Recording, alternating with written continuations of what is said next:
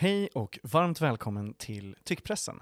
Det här är eh, det 49 avsnittet av Dagens ETCetras ledarpodd där jag, Max W Karlsson, tillsammans med inbjudna gäster och röster pratar om vad som är bra och eh, dåligt, eh, vad som är kul och tråkigt ehm, och framförallt kanske vad som är bra och dålig politik. Vi är tillbaka i studion på Kvarngatan. Det här är ju höstens, eh, ja, det, det, är höst tror jag, men eh, höstens första eh, riktiga avsnitt efter en rolig sommar med specialavsnitt. Um, och eh, det allra sista, eh, the lost episode av specialavsnitten, kommer nästa vecka. För er som har sett fram emot när jag äter, äter en kopp i Almedalen.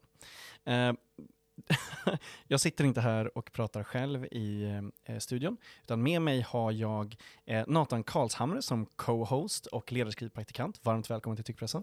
Tackar, tackar. Och eh, returning champion Fanny Jönsson, ledarskribent på Aftonbladet. Varmt välkommen tillbaka. Tack så mycket.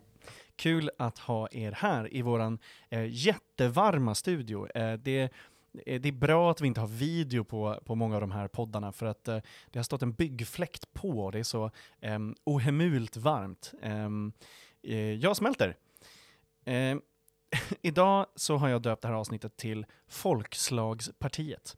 Eh, vi, ska prata, vi ska prata om ehm, Eh, massor av grejer, An angiverilagar, eh, vi ska prata om eh, skribenters roll i klimatfrågan och lite sånt där. Och ta ett härligt dopp ner i den blå eh, badtunnan med cringe efter Liberalernas Carl B Hamiltons härliga groda. Men innan vi börjar så vill jag bara säga eh, ett stort grattis och ett officiellt grattis från Tyckpressens håll till PM Nilsson som nu blir ny VD på Timbro, på tankesmedjan Timbro.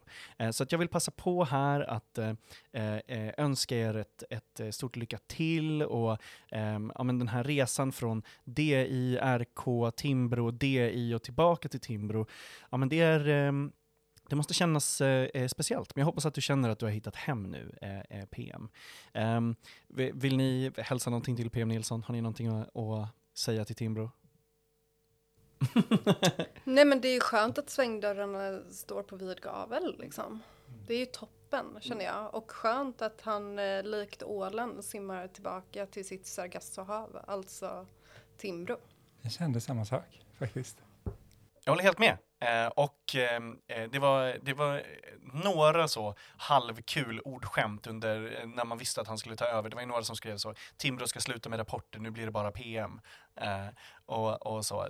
Helt okej okay, kul faktiskt. Liksom, ja, helt, helt okej. Okay. Eh, men så, då har, vi, då har vi i alla fall eh, önskat honom lycka till på färden. Han tar ju över i november när Benjamin Dosa går vidare till Företagarna. Ehm, Ehm, ett annat sånt arbetsmarknadsprojekt för eh, borgerliga ideologer. Vem tar över Näringslivets medieservice? Ja, eh, det blir egentligen PM. Alltså, PM blir den som blir ansvarig. Eh, jag, eh, vi håller på att söka honom. Det hade varit kul att fråga eh, hur han ser på, på de kringverksamheterna. Inte bara NMS, utan även typ Frivärd och eh, de bitarna. Ehm, för att när man är vd för Timbro, då blir man också vd för stiftelsen Fritt Näringsliv. Bra! Dags att hoppa vidare. Fanny, du skrev i, eh, i veckan, igår från när vi spelar in, en eh, ledare. Den har rubriken Göm en flykting. Blir det olagligt? Göm två. Vad, eh, vad handlar den här ledaren om? Var kommer rubriken ifrån? Rubriken är inspirerad av en tröja som Romina Pourmokhtari hade på sig på ett Eh, möte med Liberalerna 2021. Ett digitalt möte när hon protesterade mot Nyamko Sabunis linje att eh, öppna upp för att samarbeta med ytterkantspartier, SD och V, vilket egentligen bara handlar om att så här, ska man samarbeta med Sverigedemokraterna? Pourmokhtari var emot, hon var luftordförande då. Eh, och liksom, det var ju väldigt mycket hennes signum att hon var liksom kraften mot extremhögern. Ja, det var väldigt mycket så, rösta på mig så röstar du emot liksom, Sverigedemokraternas inflytande. Eh, klipp till två år senare eh, när hon är minister i en regering som eh, stöds av Sverigedemokraterna. Ehm, och som måste ha dem, som inte finns utan Sverigedemokraterna. Nej, de finns inte utan Sverigedemokraterna och Och eh, nu, det som är så intressant med Pourmokhtari är ju att den här regeringen vill att eh, personer som jobbar i statlig tjänst ska ange papperslösa. Eh, om de möter dem i tjänsten. Så om du är läkare och har liksom en svår hjärtoperation så ska du också passa på att ringa ett litet samtal till konstapel Blå och berätta här har vi en papperslös person som är about to die men eh, ta honom. Eller om du är lärare och rättar en åttaårings matteläxa så kan du också liksom höra av dig till myndigheterna så att eh, hen efter provet liksom kan utvisas ur landet. Det nästa är Parmokhtar. Ja, men precis på nästa rast. De blir så det... jätteglada över alla nya arbetsuppgifter de får också. Ja, men alltså toppen. Eh, men det här är då liksom eh, vad eh, Pourmokhtari ingår i för regering. Och därför kände jag så här att det var dags att med min rubrik påminna henne om den tröjan hon hade för två år sedan. Det känns som att det är tusen år sedan. Alltså det här är ju en del av, eh, nu är det så, vi, vi, några minuter in i podden, nu kommer jag redan nämna Adorno, eh, men eh, eh, eh, eh Theodor Adorno beskriver ju som att ehm, i så ehm, när kapitalismen är som värst, då känns, eh, då finns det nästan ingen tid. Då känns varje kris som helt ny och det är jättesvårt att relatera saker till varandra. Eh, det är jättesvårt att komma ihåg vad som har varit innan och framförallt, det som har varit innan spelar så himla liten roll. Alltså även när någon som då Romina har sagt en viss grej innan eh, att det är så, så fort det ögonblicket har passerat så spelar det så nästan ingen roll alls. Eh, och så känns det ju verkligen. Alltså, det här hade kunnat vara verkligen tio år sedan som, som, eh, som hon sa det här och eh, det, det, det, är ju inte så att det är förenat med att säga en grej och säga motsatt grej och att det får några konsekvenser, för det får aldrig några konsekvenser. Eh, det är också svårt att tänka sig för många nu vad det skulle bli för konsekvenser. Alltså eh, eh, eh att det är svårt för eh, vanliga personer att tänka hur ska jag ens hålla de här som är mina valda makthavare ansvariga? Eh, hur ska jag ställa dem till svars? Hur ska jag, om jag vill det, straffa dem för den här dåliga politiken? Eh, det, det, är liksom, det du egentligen bara ska göra är finn dig i det, eh, din sate. Ja, för man säger ju en sak före valet och så säger man en sak efter valet som Persson sa. Nej men det är helt, det är helt absurt och det som är så intressant är att liberaler är så tysta liksom. Man bara, hur kan ni acceptera det här? Mm. Men de är ju landförvisade eller tysta. Alltså så, eh, det Nyamko Sabuni gjorde inför ledarskapsracet, det var ju att hon gjorde så samtliga motståndare till eh, antingen så Europaparlamentariker eller ambassadörer, eh, lex Erik Ullenhag. Eh, och även Jan Björklund ehm, som skickades iväg och blev Italienambassadör. Ehm, men så, eh, eh, eh, och nu är det ju flera av dem som också har hoppat av. De tappar ju sitt eh, största EU-namn, eh, Cecilia, och eh, det är liksom, eh, ja men de som hörs eh, verkar plockas bort från listor också. Typ Anna Starbrink tycker alla är jättejobbig inom Liberalerna just nu bara för att hon säger samma sak som hon sa innan valet. hon har liksom inte anpassat sig till den där. För det, den här anmälnings... regeringen kallar det ju anmälningsplikt. Det är så det är skrivet i Eh, Tidöavtalet. Eh, och eh, de vänder sig ju emot att det skulle vara någon form av angiverilag. Därför tycker jag rent språkmässigt att det är rätt viktigt att kalla det angiverilag. Ehm, för att det är det som, som eh, det handlar om då.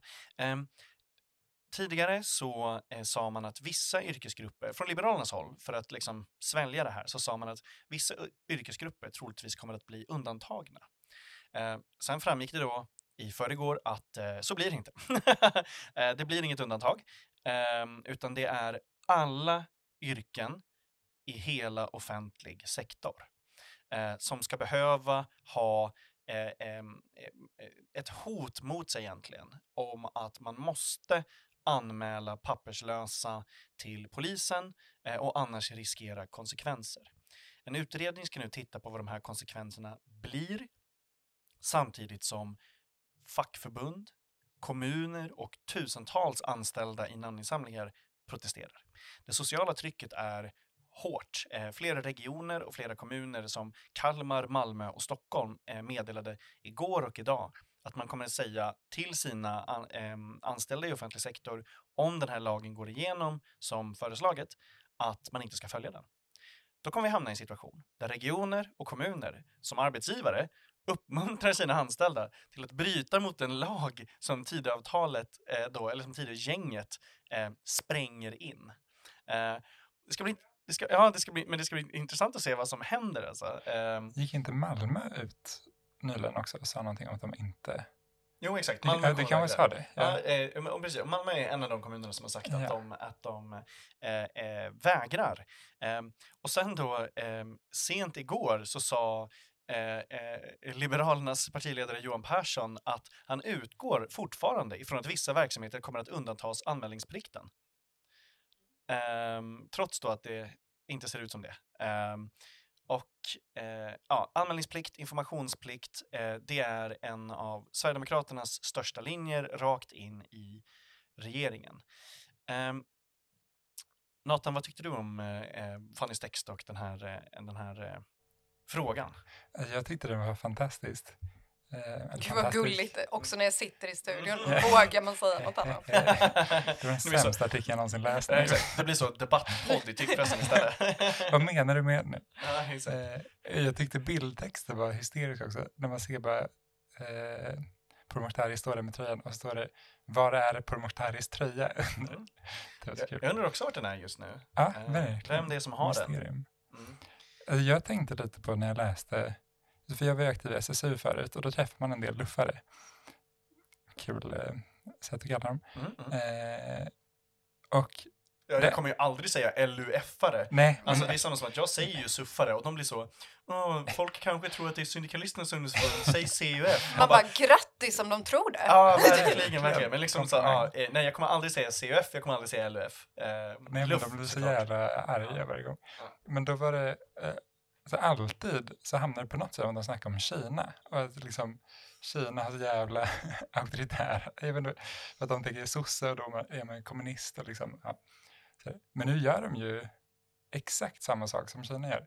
Och jag tycker det är så konstigt just. Alltså, eh, det är DDR. så- alltså Mm. verkligen. Men, och, och det här är ju en grej också, alltså, men det, det här är ju en- dock en, en personlig grej för min del. Alltså, ja, det blir lite hycklerigrejer, men jag har typ helt slutat bry mig om hyckleri. Jag bryr mig inte. För att det sker hela tiden och Mm. det blir ingen konsekvenser av att påtala det ändå. Eh, så jag försöker så tänka bort hyckleriet för att det sker hela tiden. Eh, och de här liksom supersvängningarna, alltså det man ska göra då, det är ju inte påtala svängningen i sig, Mm. utan varför den nya åsikten är dålig, eller varför den nya politiken är dålig. Mm. Samma som när eh, Socialdemokraterna i Region Stockholm svängde om eh, eh, tågvärdarna, alltså på pendeltågen i Stockholm. När man sa att vi kommer vara garanten mot, eh, man fick liksom LO Stockholm-kollektivet att verkligen rösta på sossarna, man gick framåt bland så arbetarmän i Stockholm, i Region Stockholm, eh, och liksom massa sådana eh, bra framgångar. Eh, och sen så bara sket man fullständigt i det, gjorde helt Mm. tvärtom. Det är inte bara den svängen eller det sveket som man ska påtala, utan man ska fortsätta säga det som man gör då är att sossarna vill ha otryggare resor. Mm. Ja. Ehm. Och jag tänker att det är det som är så viktigt när vi pratar om angiverilagar och förstå, eller anmälningsplikt som de vill paketera in det, sminka över sin informationsplikt säger till och med Sverigedemokraterna. Ja, ja men liksom det, det är bara så här, det är så viktigt att avkoda språket och verkligen inte känna sig dum när man läser de här sakerna utan också verkligen ställa sig frågorna, men vad betyder det här? Vad innebär det här? Och vad är det det innebär? Det innebär ju att träffar du en papperslös person i tjänsten så behöver du höra av dig till myndigheterna och säga det och anmäla den här personen. Det innebär att träffar du en person som är i nöd så måste du göra det. Träffar du ett litet barn så måste du göra det. Och då är ju frågan, dels är det här moraliskt försvarbart? För mig är det ett absolut nej. Men det är också frågan, vad gör det med ett samhälle? Vad gör det med de personerna? Är man mer, Exakt. är man mer eller mindre benägen att söka vård Mm, när om man, man behöver det när man, är ja, när man är papperslös eh, och kan bli så utvisad till ett land som så kommer tortera dig och din familj? Eh, Ja, ja, och Mer liksom, eller mindre. Kommer du satsa på utbildning och vara så driftig som du måste vara? Kommer du vilja betala Sverige. skatt? Ja, kommer du, och liksom, vad, vad tror du på samhället? Vad, vad ser du för framtid? Och att vara papperslös är inte heller liksom alltid en och samma status. Du kan ju liksom dina asylskäl kan ju omprövas. Du kan få papper sen. Så att det här är liksom också det, de pratar om det, att människor är illegala som att det är något permanent och som att en människas existens kan vara illegal. Uh, och det är för mig helt absurt. Det kommer också bara öka det skuggsamhället. Alltså det, ja. det, är inte så att det drar ut någon i ljuset, utan det är tvärtom. Att, att det kommer bli en, en, helt annan parallell grej. Plus det då, det kommer vara fler eftersom regeringens migrationspolitik redan nu kommer att göra att fler inte har tillstånd att vara i landet. Så att Eh, eh, man vet att det kommer vara fler som har tillfälliga uppehållstillstånd som till exempel går ut eh, än, eh, än tidigare då, eh, eftersom det är tillfälliga uppehållstillstånd som blir norm. Eh, och det innebär också att det kommer finnas ännu fler som hamnar i den här eh, papperslösa gruppen eh, som, eh, där, som inte kan utvisas men ändå inte får stanna och hamnar i det här limbot. Eh, det är inte heller så att eh, den här lagen gör att redan verkställda utvisnings, eller utvisningsbeslut som inte kan verkställas, det kommer inte göra att fler utvisningsbeslut faktiskt verkställs. Det kommer, alltså, det kommer inte bli så att de som inte kan utvisas plötsligt kan det, eh, bara för att de blir angivna i andra delar av samhället. Vad ska de då göra? De som är i de här limbo år ut år in och inte kan bli utvisade till sina länder. ska de bara, alltså det man vill, eller det man inte säger här, det är ju att man vill att de ska liksom inte finnas. Nej men det, nej, men det är ju exakt det som eh, sker. Och där tycker jag, du tog, eh, nu ska jag ta upp en liten författare här då, men eh, Snyder pratar ju i sin bok om tyranni så pratar han ju just om angiverisamhälle och han säger ju att ingen tvingar dig att följa de här auktoritära lagarna. Och när ett samhälle håller på att bli auktoritärt och liksom lagar kan implementeras men ingen tvingar dig att följa dem och därför är jag så imponerad över de här regionerna som säger ifrån. För liksom det är vi som är medborgare och är det också ett motstånd mot de här lagarna? För jag tror inte att så många som röstade på Liberalerna förstod att det var angiverilagar som skulle komma. Jag tror inte heller KD personer eller moderater faktiskt tänkte det. Så finns det ett motstånd då kan det här förändras. Ja, alltså socialt tryck är det enda som någonsin får politiker att ändra sig i Sverige. Eh, och det sociala trycket är redan hårt från så inte så himla eh, stridbara eh, fackförbund annars. Alltså typ Saco är ju emot det här. Eh, och Saco är ju liksom inte, de är inte kända för att vara de som är liksom de största regeringskritikerna. Eh, Eh, men även då, eh, ja, eh, och just det, an, även andra kommuner och regioner är ju Göteborg, alltså Västra Götalandsregionen, de har också sagt att man kommer inte kräva det här av sin personal. Um, och, och sen typ alla professioner som har eh, yrkesetiska regler har också redan sagt nej.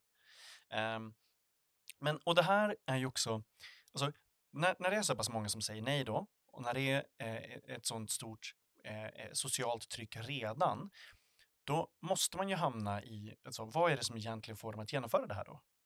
Och till syvende och sist så blir det ju att man är just på Sverigedemokraternas mandat. Man sitter på Sverigedemokraternas mandat i den grad att man inte kan säga nej till en SD-kärnfråga. Inte nu, inte sen, för att det äventyrar hela regeringssamarbetet. Så mot allt annat eh, så premierar man dålig politik, politik som är dålig för så otroligt många, som är dyr, som är ineffektiv eh, och som kommer att motverka det man säger sig vilja åstadkomma, bara för att Sverigedemokraterna vill det. Exakt, och det jag skrev i min text också var ju att eh, den där dagen 2021 när Paul Mokhtari hade på sig sin kända tröja eh, som nu är long gone eh, så togs det ju ett annat beslut där på kongressen vilket var att Vänsterpartiet och Sverigedemokraterna skulle aldrig behöva ingå, eller ska aldrig kunna ingå i en svensk regering. Och eh, som jag skrev, det behöver de ju inte. Liberalerna kör ju på med deras politik ändå. Så att, alltså det, det är sånt guldläge att vara sverigedemokrat. Det är liksom toppen och de, de här liksom, liberalerna och kristdemokraterna och moderaterna de bara följer med. Liksom. De bara simmar med strömmen. Det är där som är det roligaste med Sverigedemokraterna. Alltså, så jag som följer deras eh, liksom, eh, fans och simps och politiker eh, som en del av mitt bevakningsområde ehm, så kan man ju säga att trots att de vinner, trots att de vinner mer än andra och vinner hela tiden, så är det ett sånt förbannat gnäll.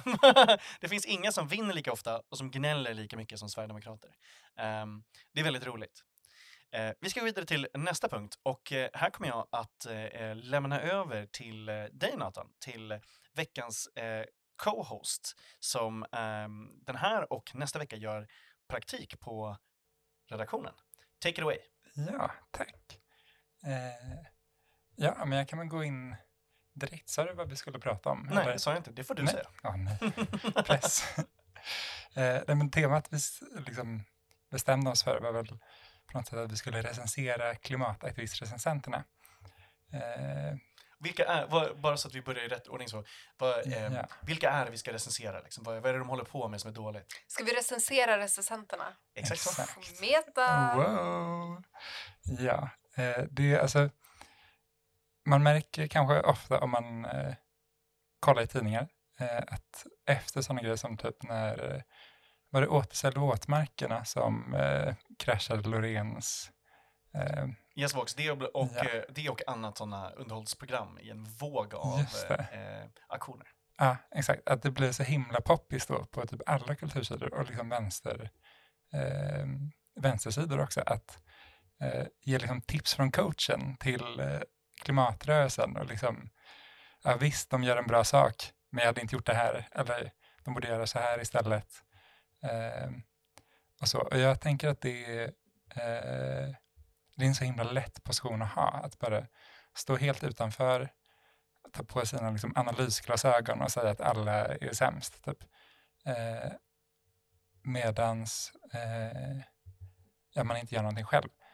Eh, och då tänkte jag då att vi skulle, eh, eller jag skulle ställa en fråga först. Eh, håller ni med om att det är ett problem eh, att skribenter klagar för mycket?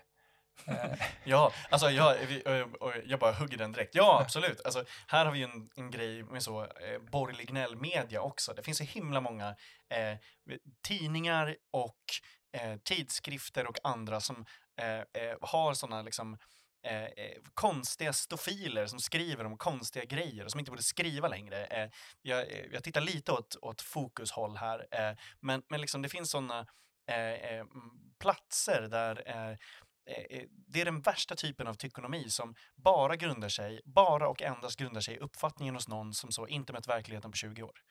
Ehm, och de älskar ju det här, framförallt så har de ju Greta som så nummer ett fiende-grej liksom. Alltså, så, eh, de skulle kunna kalla typ Greta Thunberg för så Greta Gris eller någonting och tycka att det är kul typ. Eh, den, med den eh, eh intellektuella liksom, eh, fallhöjden. Eh, men ja, jag, jag hatar de här texterna. Vad säger du Fanny? Eh, men jag tycker också så här, det är ju lite roligt att prata om tykonomi och så är man ledarskribent. Liksom. Jag tycker ju också väldigt mycket, men jag tycker att det är också viktig distinktion att göra där, för då pratar vi om politik och politiker och att liksom prata om människor som har väldigt, väldigt mycket makt att förändra och sitter på stora budgetar och så vidare. Klimataktivister har ju oftast inte så mycket mer än sin aktivism och kreativitet. Va? De har väl Soros-pengar eller? De har så mycket pengar! På tal om det, det var, eh, jag var i Kina för några år sedan och då träffade jag någon... Brag. Flex. Som alla luffare var rädda för. exakt, exakt. Ja. Som sosse så åkte jag dit Ja, på exakt. stipendium. Ja. Eh, nej men, eh, och där träffade jag någon kille, eh, jag minns men typ USA kom han från, jag minns inte riktigt. Eh, och sa att jag var svensk. Han bara, oh, Greta Thunbergs country. Och så höll han en lång rant för mig om hur dålig och äcklig hon var och hur hon, hur hon var styrd av typ judiska pengar. Eh, och jag, alltså jag, tyckte, jag visste inte vad jag skulle svara för det var så sjukt att liksom Du bara, tack för att du delar med dig, jag är nu övertygad. åka tillbaka och skriva en arg artikel. Så säger jag till alla killar. Eh, tack, jag är nu övertygad. Tack så mycket. Ja. Ja, nej, eh, nej, men jag tycker det är jätte, jättekul, eh, hela den här tykonomidelen och liksom att folk ska bara hmm, jag hade gjort så här. Jag är också så här en bakgrund som klimataktivist och eh, vet lite liksom hur svårt det är att få uppmärksamhet och liknande eh, av medier. Men det är också så himla roligt. Det finns två grejer som är väldigt kul i det här. Eh, ett, kom tillbaka när du har återställt våtmarkerna då. Vad är din lösning? Men sen nummer två är ju att det är så kul hur borgerliga skribenter har kritiserat återställning av våtmarkerna och deras aktioner gång på gång. Och liksom så här, det finns saker jag skulle kritisera i den aktivismen också. Absolut. Men tittar man på regeringens klimat och miljöbudget som minskade för övrigt med 60 procent till 2025. Jag älskar att ta upp den siffran, den är väldigt viktig att komma ihåg. Så ändrade ju de lite i den budgeten och tog pengar från potten för att skydda liksom, skyddsvärd natur, flyttade den till specifikt att återställa våtmarkerna så att det såg ut som att budgetposten återställ våtmarkerna blev större. Alltså det blev den ju, men hela anslaget för att liksom skydda natur blev sämre och hela klimat och miljöbudgeten blev sämre. Och då undrar jag så här. Hade det skett om inte återställ våtmarkernas aktivism hade skett? Alltså, Ja, det, det är så intressant. Kolla då i realiteten hur, vad som faktiskt händer. Recensera därefter. Titta också på, de gör ju det här smarta, att en rörelse bör heta vad den gör. Eh, för att då säger man det hela tiden, när man nämner dem och i varenda citat och varenda medie liksom, grej. Så därför är också så, hur många som googlar på återställ våtmarken har ju exploderat. Eh, och som då sett fakta om både så rörelsen och annat. Eh, det har varit väldigt intressant och, och smart från deras sida. En poäng som jag vill göra med det, jag håller med dig Fanny, men, men det, och det är också det här med att för de klagospökena så kommer det aldrig finnas någon perfekt aktivism. Det spelar ingen roll, alltså när de säger så, ni borde göra så här, eller folk som säger så, vänstern borde göra så här, eller liksom alla sådana trötta grejer. För dem kommer det aldrig finnas någon grej där de skriver en text och säger okej, det här var jag nöjd med. Eh, det här var aktivism. väl genomförd aktion. Ehm, det var, eh, jag tycker att det var perfekt eh, tidpunkt. Det verkar som att ni har lagt bra resurser för det. Den texten finns inte. Och, det är också det som är en del av att eh, det är så pass lätt att bara kasta åt sidan. Att det, spe- så, det spelar liksom ingen roll eh, vad, vad de här recensenterna säger. Eh, det spelar ingen roll. Tänk om det hade varit så att vi bodde i så värld där Återställ våtmarkerna lyssnade på vad typ Dagens Industris ledarsida sa. Att de var så, nu har vi faktiskt fått ett inspel här från Ellen på Dagens Industri som säger att vi eh, borde göra så här i, istället. Och eh, det var klokt tycker vi. eh, det hade varit så den mesigaste aktivistgruppen någonsin. Eh, det hade varit eh, extremt kul. Ja, verkligen. De borde göra det någon gång bara för att liksom driva med dem. Eller så hade jag velat se, jag hade velat se Dagens Industri gå ut och göra en perfekt aktion. Mm, verkligen. Gud, verkligen. ja. Men vi har ju kommit in på det lite kanske, men på samma tema, alltså, vad tycker ni saknas från människor som skriver om klimatet? Eh, om ni får önska den perfekta journalisten, Ja. vem skulle ni, eller hur skulle ni önska? Ja, men jag, kan, jag kan börja. Alltså jag, jag läser ju väldigt mycket. Eh, det måste man göra. Jag läser massa tidningar, jag läser sånt. Och om jag får önska en grej om de som skriver om klimataktionerna och om de här grupperna, då är det att texterna ska vara roligare. Det är så förbannat tråkigt. Det är, alltså, det är som att så fort man skriver om just det här, då blir eh, liksom ordvalen blir mycket sämre, blir stelare, blir sterila, mindre personliga, eh, färre skämt. Eh, eh, liksom, kom igen, ha med en, en kul siffra, ha med en överdrift, ha med miljödetaljer som är kul. Alltså så, ehm, om du skriver om någon som har limmat fast sig någonstans, eh, skriv om liksom, hur den personen står eller sitter i en så konstig position. Skriv om eh, eh, liksom, eh, färgerna på kläderna. Skriv om saker som är roliga.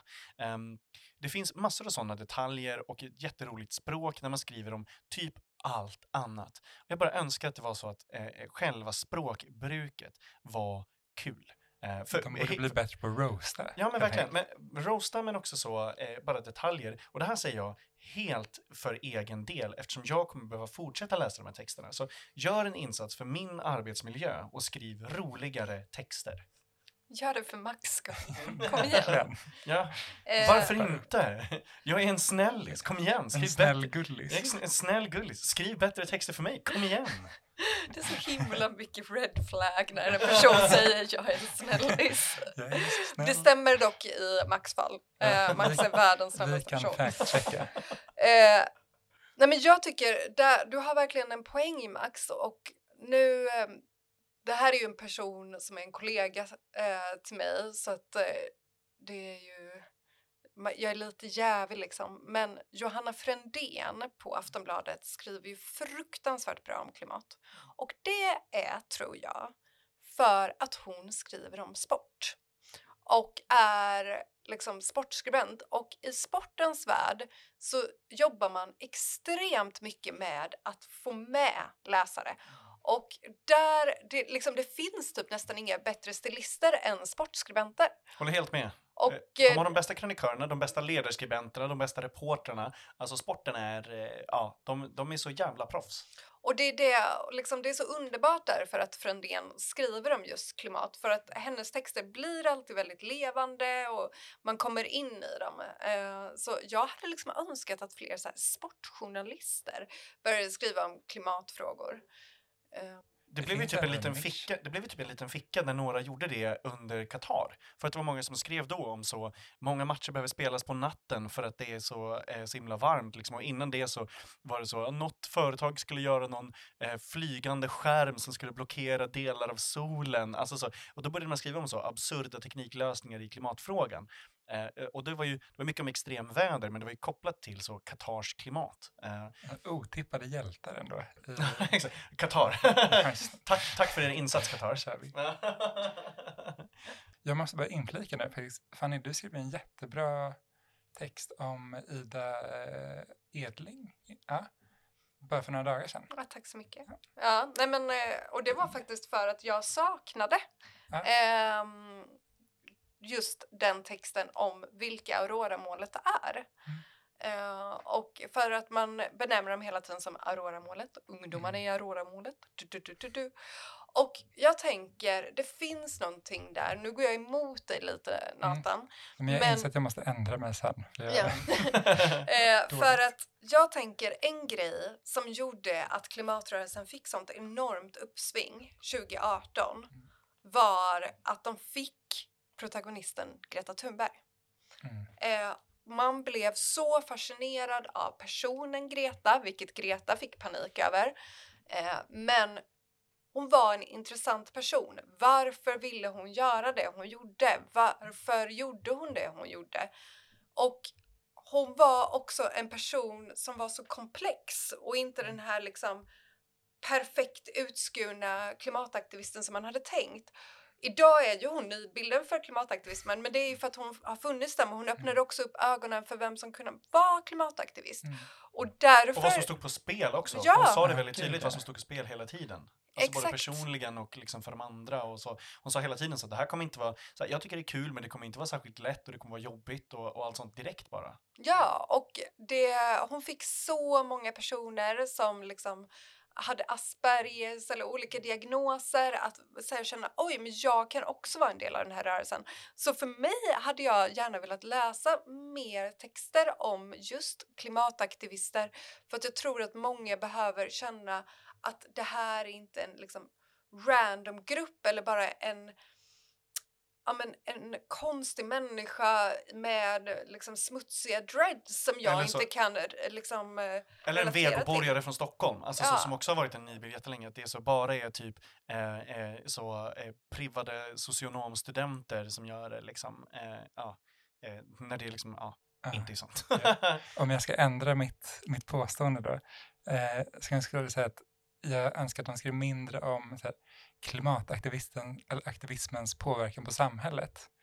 Eh, och skriver mer om klimatet, men också om människorna. Alltså, alltså berättelser och dels om alltså, typ klimataktivisterna som är på Mynttorget varje dag.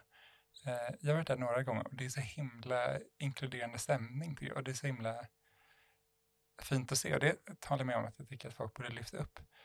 Eh, och sen Vilken också tur att en det finns en sak. dagstidning för det.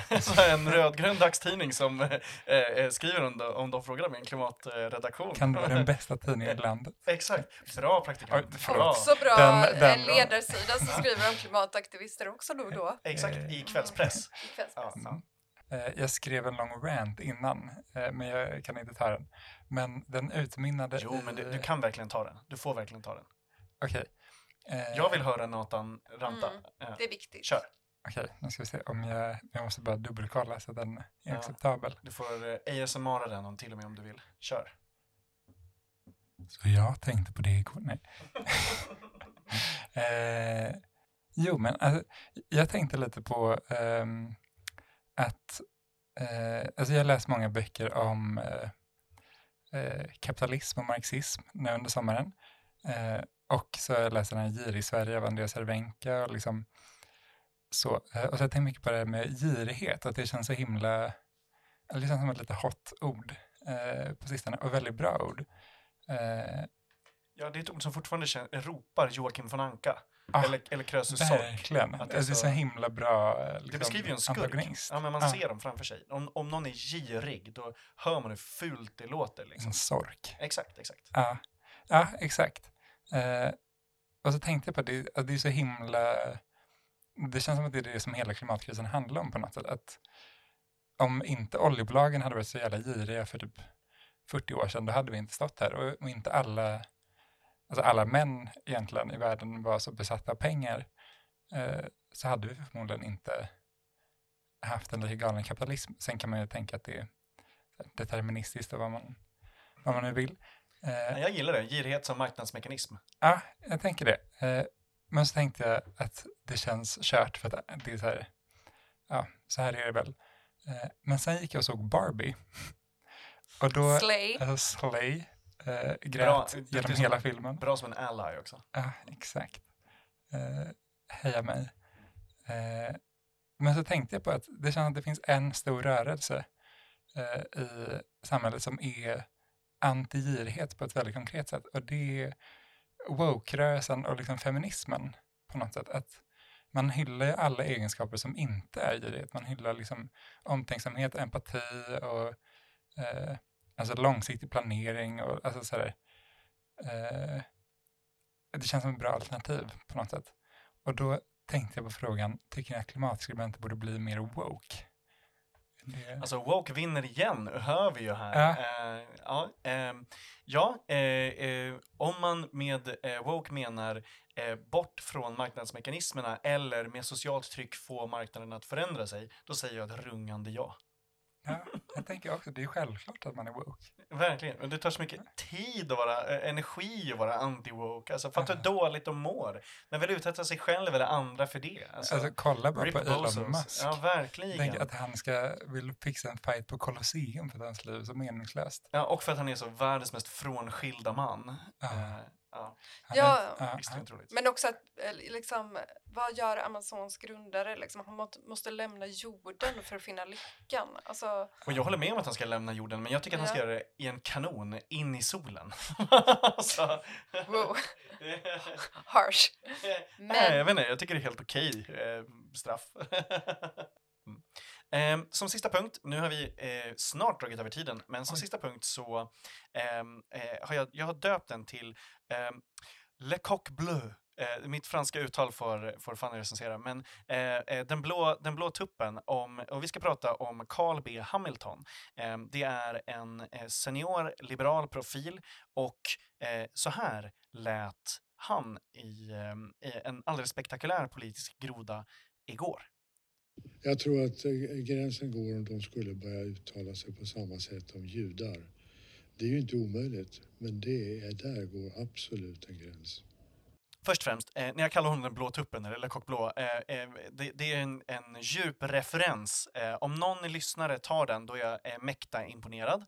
Ehm, eh, Fanny, vet du vad jag, vad jag refererar till här? nej, absolut inte. Sa du och suckade. Ja, jag bara- Du bara så väntar på det. Och jag sitter så fnittrig och vill säga det. Liksom. Ja. Eh, ehm, så här. Eh, det, jag berättade för dig Nathan innan så att jag kommer inte fråga dig. Men, eh, Jag har eh, glömt kan jag säga. Okej, ja, det, ehm, det handlar om att ehm, Jan Guillou, eh, hans böcker om eh, Carl Hamilton, agenten, den första heter Coq Rouge, om Röda tuppen. Eh, och eh, det är ju då det svenska kontraspionaget som har ett nytt hemligt vapen, eh, Carl Hamilton, den här eh, hemliga agenten som är eh, klartist och FNL-are eh, och som blir eh, fältoperatör i, eh, han blir tränad av Navy Seals och, och sånt där. Bra böcker om Hamilton, eh, går ju att se Persbrandt-filmerna också. Eh, så jag tänkte att vi ska vara lite roliga och prata om den, den blå tuppen i, istället då. Ehm, Så För- kul Mats. Så men jag tycker, det, jag tycker det, jag tycker det. Tyckpressens lyssnare kommer gilla det här också. Ehm, v- vad, eh, när ni hörde om det här i, eh, igår, när ni såg eh, klippet från TV4-nyheterna, ehm, vad var era reaktioner då? Eh, Nathan? Ja, alltså, jag tänkte bara att de var ärliga. Alltså, Just det, att han säger det han faktiskt tänker. ja, att, han glöm, att han glömde hela den här, han är lite för gammal så han glömde liksom hela, hela strategin. Just det, att, att politiker inte ska säga det de egentligen menar. Ja, exakt.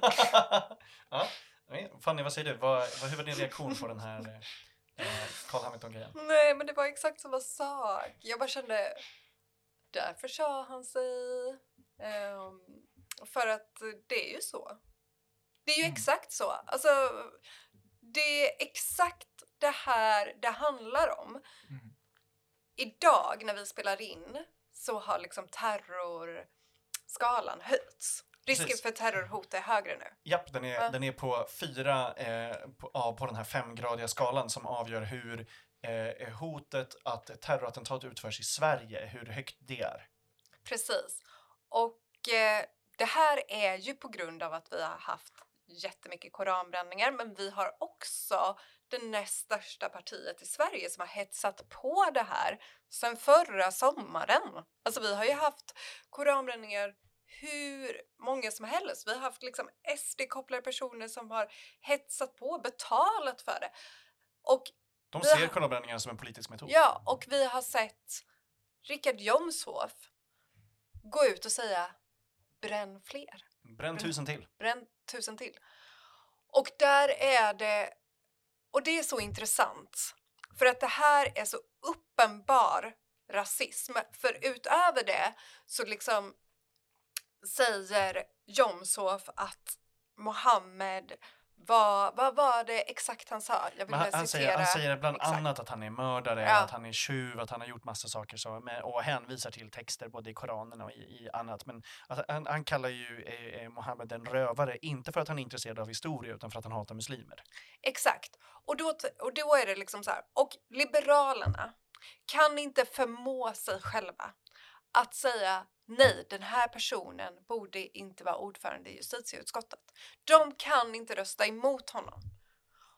Och det är så oerhört intressant. För att alla vet att hade Jomshof uttalat sig liknande om judar så hade inte det varit okej. Det hade inte varit acceptabelt. Vad var det som fick Rebecka Fallenkvist att lämna SD och Riks?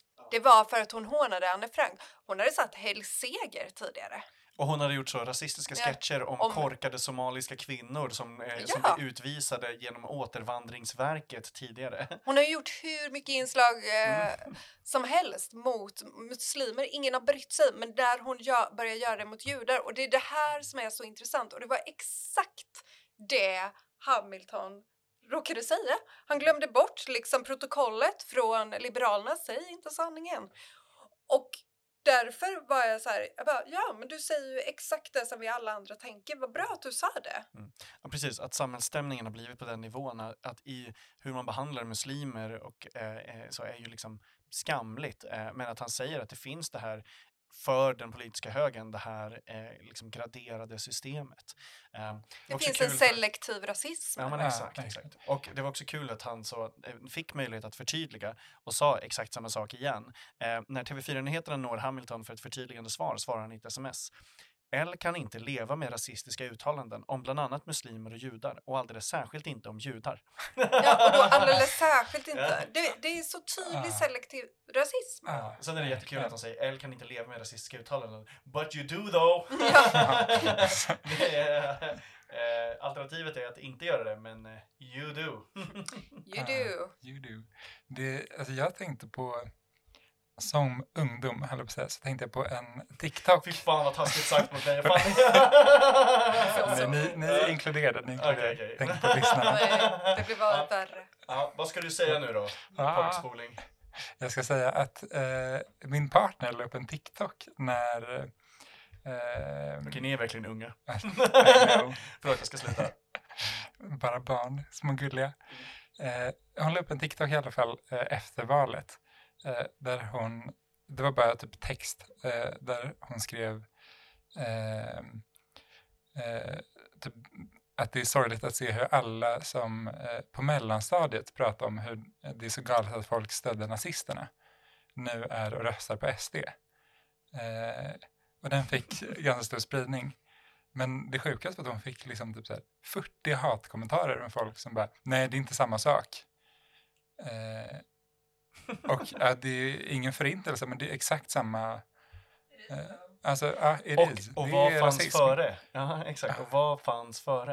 Eh, men jag, jag tycker det är kul att, alltså så, eh, bara, eh, alltså här är ju media och eh, liksom mittenfältet av politiken, eh, man är så himla PK att eh, man slutar säga vad SD är, man är så ängslig och liksom eh, så. Men om man tittar på den internationella politiska bevakningen, då beskriver man ju fortfarande Sverigedemokraterna precis som vad de är. Eh, det är så uppfriskande att läsa typ Le Monde eller vilken amerikansk tidning som helst som inte riktigt är kända för att vara så någon, någon form av så extrem vänstertidskrift eh, eh, utan, utan istället faktiskt säger och beskriver Sverigedemokraterna på ett väldigt korrekt sätt. Eh, som det här eh, eh, eh, liksom ytterkantspartiet som är navet in för den extrema högern in i all politik. Ehm, det är dags för oss att runda av. Eh, gäster i Tyckpressen får alltid tipsa om någonting till lyssnarna. Eh, det kan vara ett eh, lästips eller någonting man har sett på tv eller eh, precis vad som helst. Fanny, vad vill du tipsa Tyckpressens lyssnare om den här veckan? Jag vill tipsa om att lyssna på Today in Focus som är The Guardians ehm, eh, podd och eh, som alltid tar upp väldigt relevanta ämnen. De pratade senast om koranbränningarna i Sverige. Det är rätt intressant att lyssna på om man då vill ha liksom, ett internationellt perspektiv på hur koranbränningarna ses. Utmärkt. Nathan, vad säger du? Vad vill du tipsa, tipsa lyssnarna om? Precis vad som helst. Eh, jag har eh, läst en bok på sistone eh, som kom ut i januari i år. Skriven av en dansk marxistisk filosof som heter typ, jag minns inte exakt, men typ eh, Simon Mao eller någonting. Alltså danska, danska marxistiska filosofer kan heta precis vad som helst. De kan heta så Bänkbock eller, eller typ så eh, eller typ så eh, Lennart Lennart i dubbelnamn. gud, Jag tycker det är kul att han heter Mao i efternamn. Det är ganska Det är underbart. ja, verkligen. Sören Mao heter han. Stöv, så stö, men Mao stavat M-A-U, det är gulligt. Exakt. ja, Sören Miao, vad, ja. Ja, Vilken, vad, vilken bok är det? Eller varför vill Eh, du tipsa om den? den, den heter någon, alltså jättejobbig titel, men den heter typ eh, Du lägger upp det för så danskfientliga vitsar mot mig hela tiden. Jag sitter och så rycker i mig De för att jag vill så förtjänar det. håna danskarna bara. Eh, ja, men eh, okej, Eh, förlåt. Den heter, jag tror den heter typ så här, A Marxist Theory of the Economic Power of Capital eller någonting. Vänster. Riktigt marxist-titel. riktig marxist-titel. Vänsterflum. Eh, 300 sidor, eh, lite jobbig liksom jargongen, men den är jätteintressant för att den eh, tar upp, alltså i princip det här maktbegreppet som blivit så eh, eh, inne, alltså sen typ 68-rörelsen och liksom eh, att diskutera maktrelationer och försöker tolka marxismen utifrån det. Så hur, eh, hur liksom kapital och hur ekonomi påverkar oss eh, maktmässigt. Eh, och jag läste den så slog det mig att jag aldrig läst någonting liknande och den har ändrat så mycket hur jag tänker.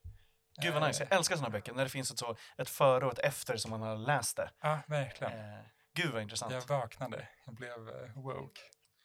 Eh, ja, Eh, Eh, den här veckan vill jag tipsa om Peter Bratts eh, gamla sammanfattande bok om IB-affären.